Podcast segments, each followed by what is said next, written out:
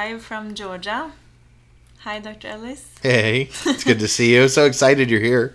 Yeah, me too. Thank you for the great adjustment. Yeah, and thanks for giving me a call when you got back into town. Yeah, yeah, yeah. So you you've been my mentor for a long time now, and uh, you're actually maybe the best chiropractor I know, and I'm not just saying that.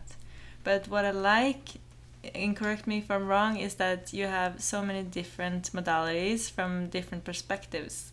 Because you were a massage therapist before you started chiropractic school, correct? Correct. And then you got into functional neurology, which is your specialty now. Yes. How did you? Why did you get into neurology? What interested you? That's that all started a really long time ago for me in martial arts. And so in the martial arts, we would learn the combat aspect of martial arts, but the highest level of martial arts was the healing aspect of the art. And so to be a better martial artist, I went and started to learn healing. And I learned it in a variety of different places. And then I wanted to make it also a profession. So it was like, I'll make it a profession so that I also get better at my martial arts. And then I went into massage and continued to study a lot of modalities. And then I went into chiropractic and was mixing chiropractic with massage and before I started chiropractic school, a gentleman named uh, Wally Schmitt had told me if I wanted to be great at applied kinesiology, I needed to learn chiropractic neurology. So, as I was going through school and continuing to build as many techniques as I could get, chiropractic neurology showed up and I studied that. And then I wanted to attain a very, the highest level I could with it and so I went on and became an instructor with the Carrick Institute. So I'm always learning and adapting and integrating as much information as I can because I think that we have a really large responsibility to help our patients. So when they come to us, they need us to help them and want us to help them. So I feel that I have a responsibility to have as many tools as I can and be proficient with them and then know which one to use to help that person.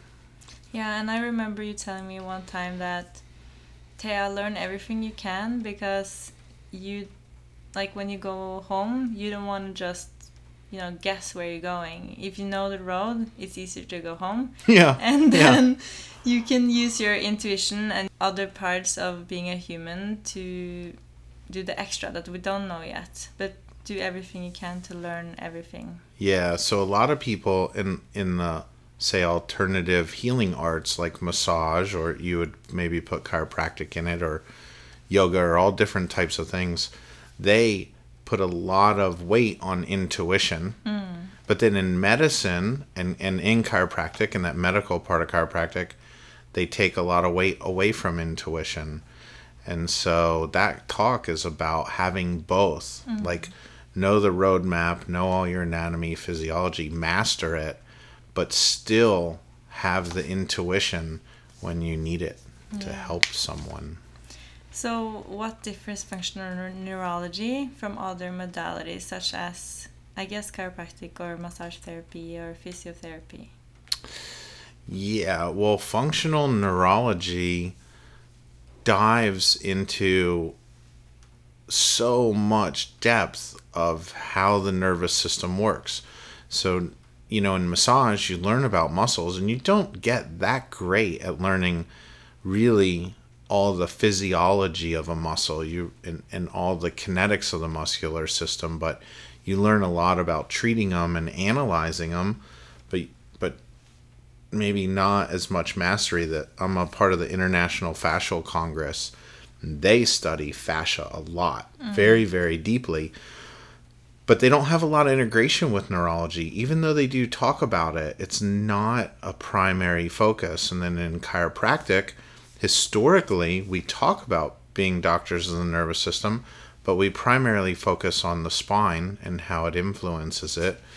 In functional medicine, we focus a lot on chemistry and its impacts, but the chiropractic neurologist or the functional neurologist is actually learning all the pathways within the brain or as many as we can understand and all the chemical interrelationships and and working to understand the resonant harmonic frequency of the brain and how it expresses thought and emotion and moves muscles and how the movement of a muscle sends messages back to keep the brain operating so we have looked across the world at a lot of the different subtopics in neurology. And Professor Carrick, who's the father of functional neurology, he would look at psychiatry and the neuroscience related to the mind and the neuroscience related to cardiac function and the neuroscience related to gait and mechanics. And he integrated it and set us on a path to keep a diverse integration so we're our knowledge is very broad and deep.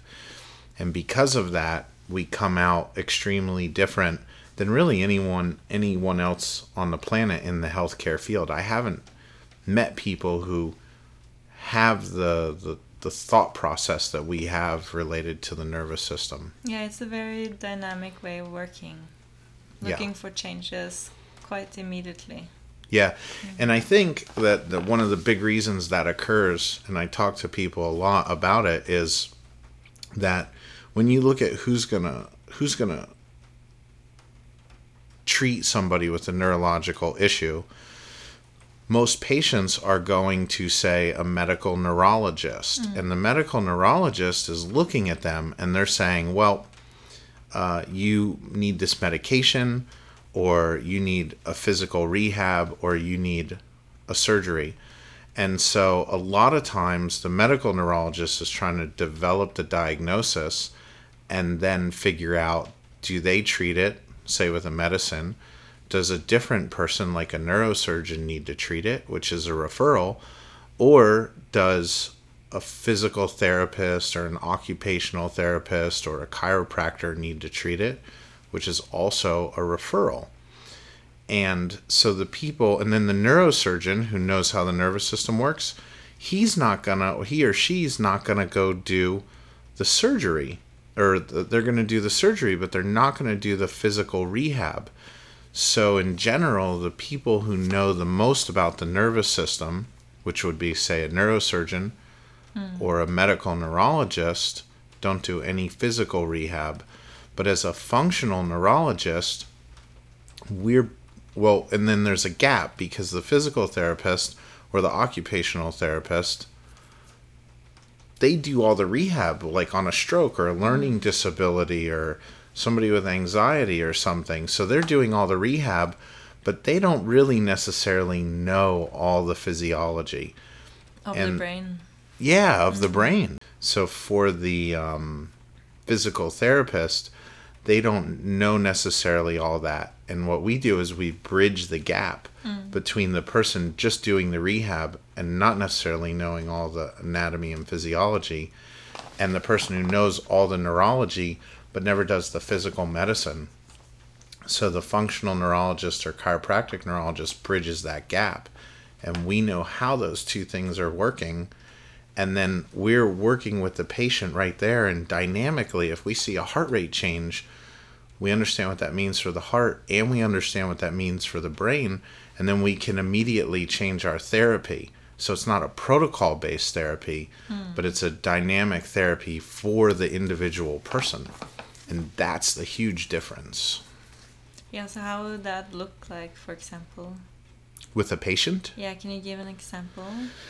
Yeah, well, sure. Um, take, for instance, a patient with uh, postural orthostatic tachycardic syndrome or POTS, and they're on a table and they're at a certain angle where their heart function is stable, and then you do a particular therapy, and if it's too much for their system, then they begin to sweat and their respiration rates will change. If you catch that very quickly, then then you understand what's happening and and they don't get too fatigued. Mm. But if you miss that and you keep going, eventually they could have their heart rate spike too high. It could go up to 260 or 180 and then they begin to get a tachycardia and they could pass out.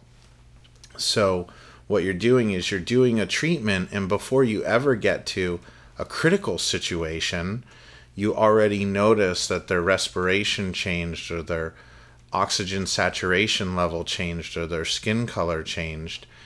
And then you know neurophysiologically which part of the nervous system's having a challenge and you change your therapy in order to then create more stability as opposed to following a protocol. So once you see something going a little off course, you recorrect it very quickly and you avert ever having a more um, a more serious situation.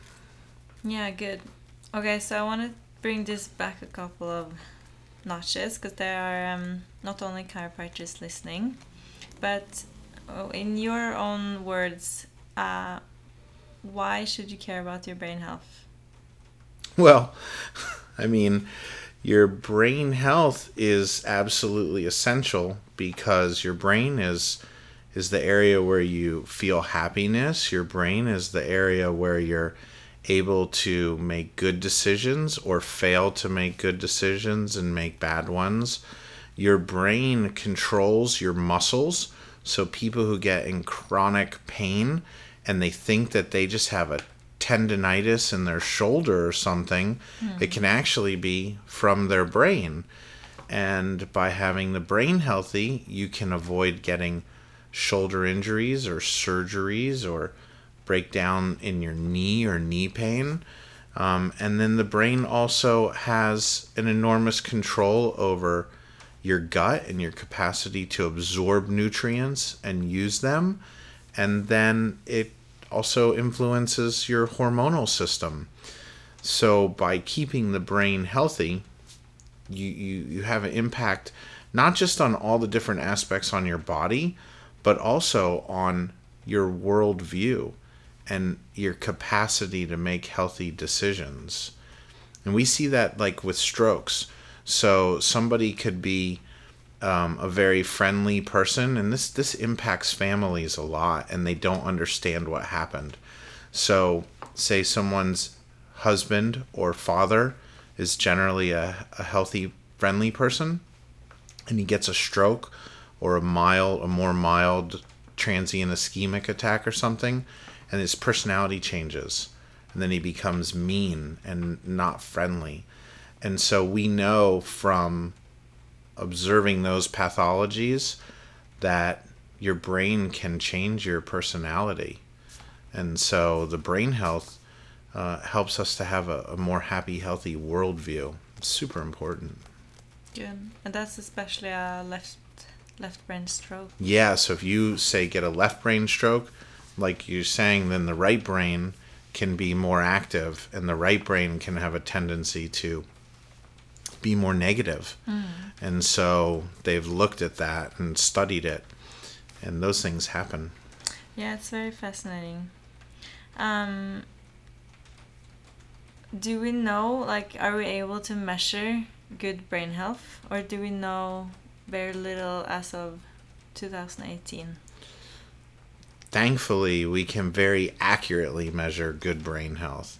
And in each of those different systems that we were just talking about, there's ways to measure it. Mm. So we know that a good brain can remember things that you read, and there's tests where you read and then test your comprehension. Or we know that a good brain can move your eyes at certain speeds and in certain directions effectively. So we can do, say, a video nystagmography and monitor your eyes and monitor the speed. And we know that it's not just that your eye moved well, but we know that those eye movements relate to cognition. Or we can measure brain health by looking at other reflexes, like uh, if you spin someone to the left or to the right, their eyes will move. Or if you press on their carotid artery, their heart rate should slow down. And if, if their heart rate doesn't slow down when you press on their carotid artery, that's the artery in the neck that's an artery in the neck. And so when you press on that, you have to be gentle because it's an artery in the neck. But you do it correctly, their heart rate should slow down. And if it doesn't, then some of those people their heart doesn't work correctly. Their heart rate can be too high, or they get lightheaded, and it's a measure of the brain. Um, or even watching someone walk. Watching somebody walk is considered one of the most sensitive tests for brain health. So when you're well trained in it, you can measure how the brain's working, know what's happening. If you do a treatment, you can remeasure it and know that you got them better.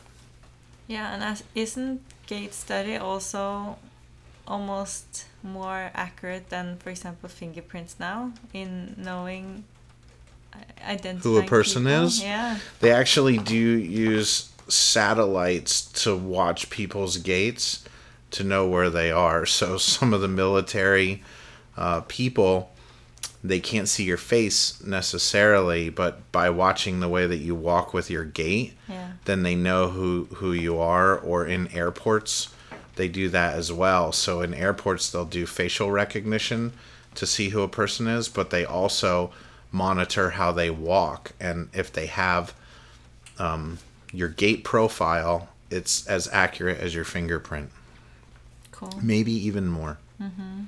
yeah. But it could get thrown off if you have like a foot pain or something, though. Yeah. Or if you're carrying. Yeah, if you have foot pain or something, it can get thrown off, and that actually can change your brain. It's actually one of the ways that that they try to hide in the airport is the, you try to fake how you walk to change it, mm-hmm. and that's hard.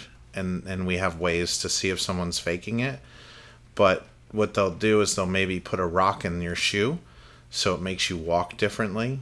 You know, but now you take your shoes off when you go through airports. so when you go through, you walk through Yeah. without your shoes on, usually in some places, so they can tell. But if you do like sprain your ankle or hurt your foot, it changes your gait. It's changing your brain. And sometimes not to a point that it would shift your personality or other parts of your health, but mm-hmm. sometimes it can. It can throw your balance off and cause problems later in life for you. So it's best to fix it early.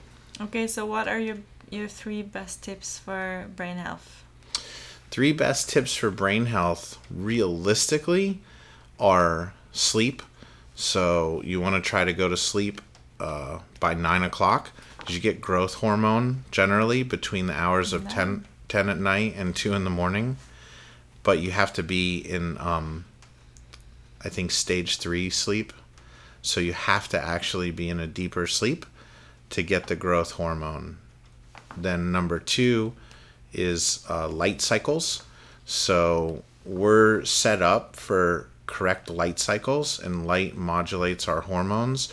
And we're starting to, I think, run into a real problem these days with all the blue light exposure that we have from our cell phones and from computers. One of the best people to discuss that is named Jack Kruse. So jackkruse.com. He's a neurosurgeon, and he talks a, a lot about uh, blue light exposure. So getting good sunlight, reducing blue light exposure, good sleep, clean water. Um, those are some of the most important things. Then after that, there's all the other components of food, you know, like good nutrition and exercise. Exercise is, of course, at least a 30 minute walk, three to five times a week. Walking, yeah. Walking's very important. Yeah. And that's a basic brain health. Then after that, if you find an expert to help you from the outside, but that's what people should be doing in their own lives. Good. So walking would be one of the best things exercise wise. Exercise. movement wise. Well, walking ensures probably that you're not going to hurt yourself, mm. you know? So like tai chi could be could be better than walking. Mm. It's far more complicated. I just pick walking because I know it's safe, Yeah. you know? So if somebody has a bad knee or a bad foot, they mm-hmm. certainly shouldn't run or Yeah. or things. Tai Chi's proven to be very good for balance, and you're moving in more complicated directions. But definitely, movement is essential. Okay, so when you talk about martial arts, why is the body awareness, the complex movements, the body connectedness that you're aware of your all the parts of your body and can move them independently? Why is that so important to you? Yeah. Well, we talk a, a lot about interoception and exteroception, and there's different sensors in your body that go to different parts of your body. So, interoception is this capacity to feel and interpret like inside your body. Exteroception is to feel a lot about your movements and how your body's interacting with objects outside of itself, whether that be a glass of water or whether that be another person. So in martial arts, there is a massive amount of building sensitivity up for you know if you do a kick and you're kicking with your right foot you have to also know where your left foot is and your left knee and your left hip and then your right hip and your right knee and your right foot but then where are your hands so in martial arts we're always looking at where are all the different parts of our body and then you have to interact with another person and so you have to be able to feel when you touch their arm, you have to be able to feel where their foot is. Because if you don't, if you can't, they'll kick you with it. You know? So you have to block it. So you get a very, very powerful activation of all the brain regions that are associated with where's your body, where are things in the world, and how are they interrelated. Certain things that that people used to think we could never do to control your autonomic nervous system or the part of your nervous system that controls your heart or your blood vessels or your breathing. We used to think that that all ran without any conscious effort and you couldn't consciously influence it. And martial artists for thousands of years have been consciously influencing it. And then we finally had studies to even show we could do it. And those parts of the body are very intimately related to your emotional brain. So, the emotional brain, if you get stressed, your heart rate goes up and your digestion gets changed and your sweating changes and you push blood to different areas. And as a martial artist, you learn to feel those parts of your body. Therefore, that part of your brain becomes um, under a greater amount of volitional control. Mm-hmm. And once it's under volitional control, then you have the capacity to keep your emotions calm and and better and to keep your blood flowing good to your organs and to your muscles and you can understand your world around you better. So the martial arts is one of the one of the greatest avenues into a profound understanding of yourself and your world. Yeah, and it's getting more popular, I feel like.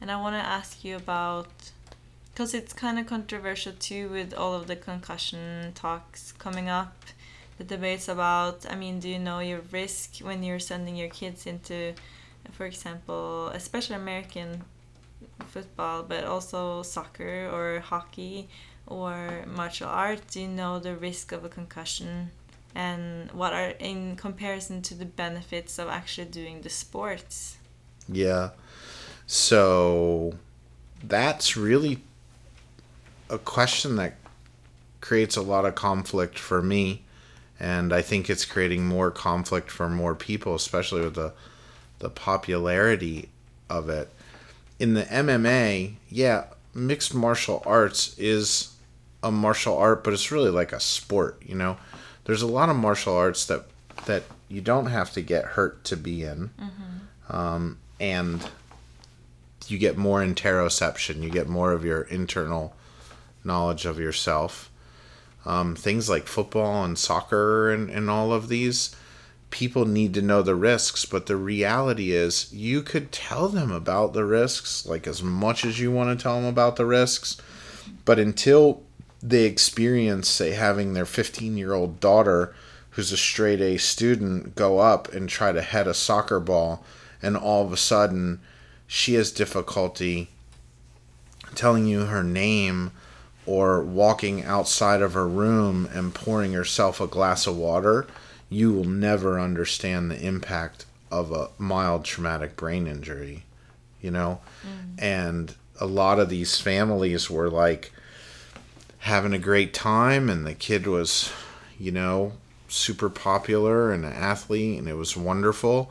And then they just want the person to be able to read a book again or to surf an internet website again and hopefully be able to go to college.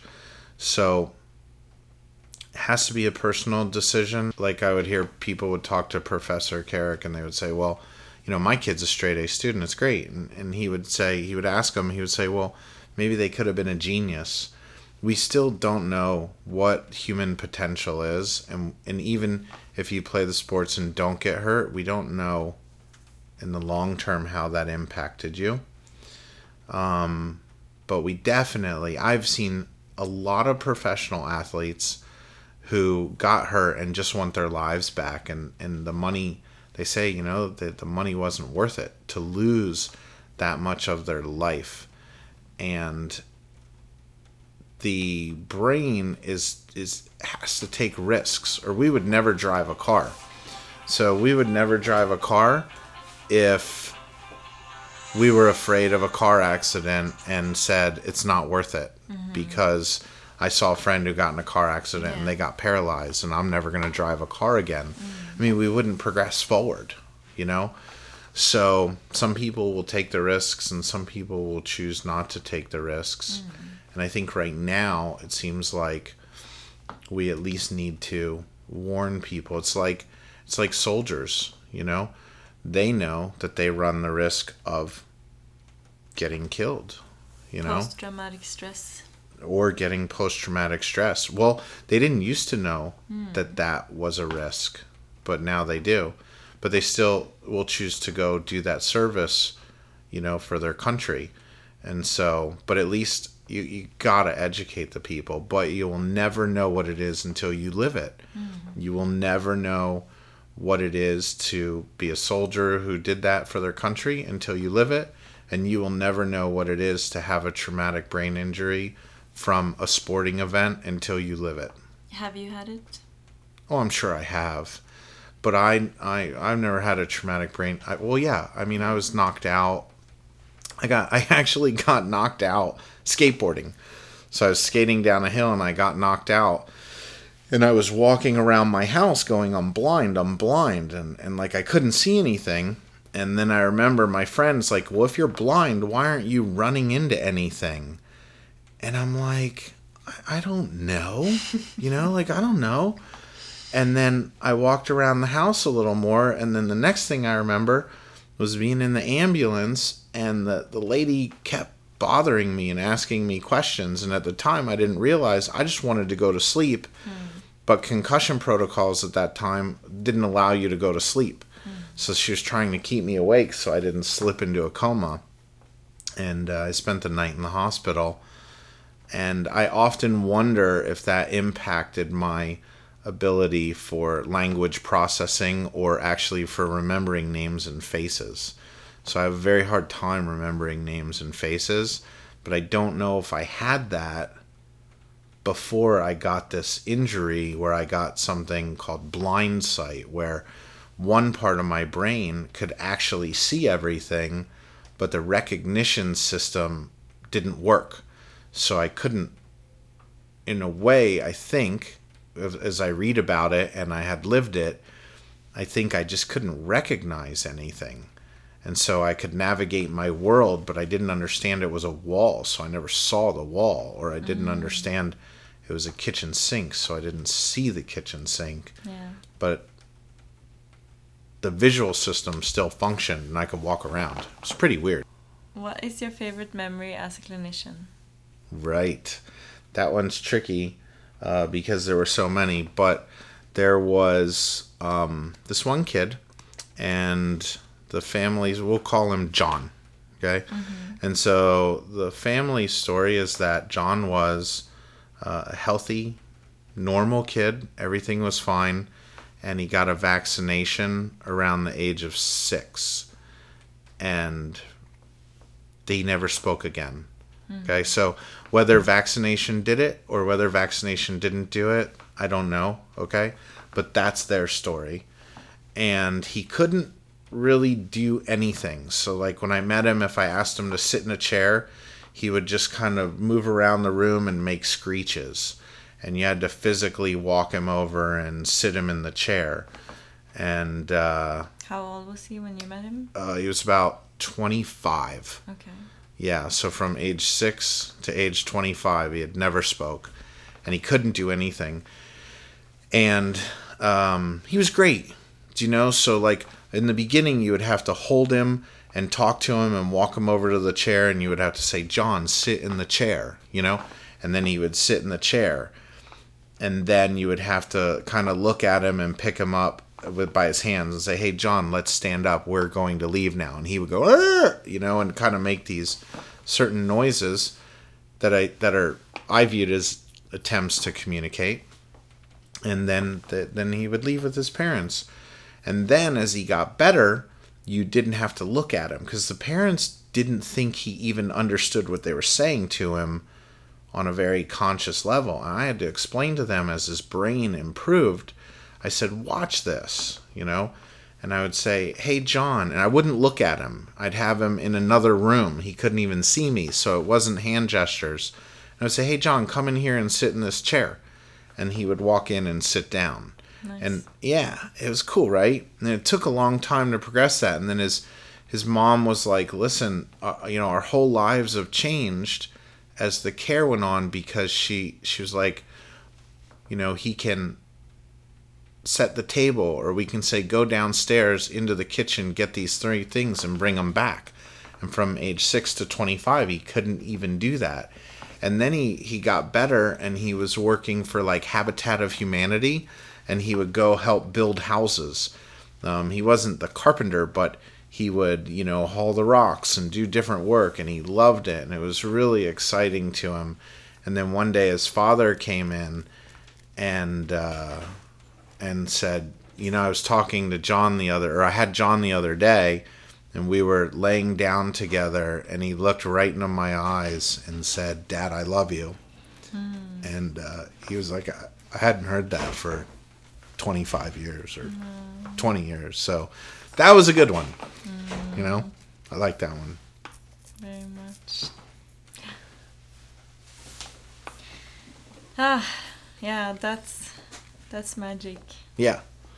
Yeah. So that's exciting. I mean, they they dreamed for years to ever even hear him speak again. You know. So Yeah, I'm excited for future, and I could be talking with you for hours. yeah. But Well, I think we should go grab dinner and keep talking. Yeah, we should. So thank you so much for everything you do and for everything you've taught me so far, and for being able to join our podcast. Yeah. Well, thanks for taking the information and being a great doctor. Thank you. All right. Any last words? Nope. Enjoy. Enjoy life. It's good for you.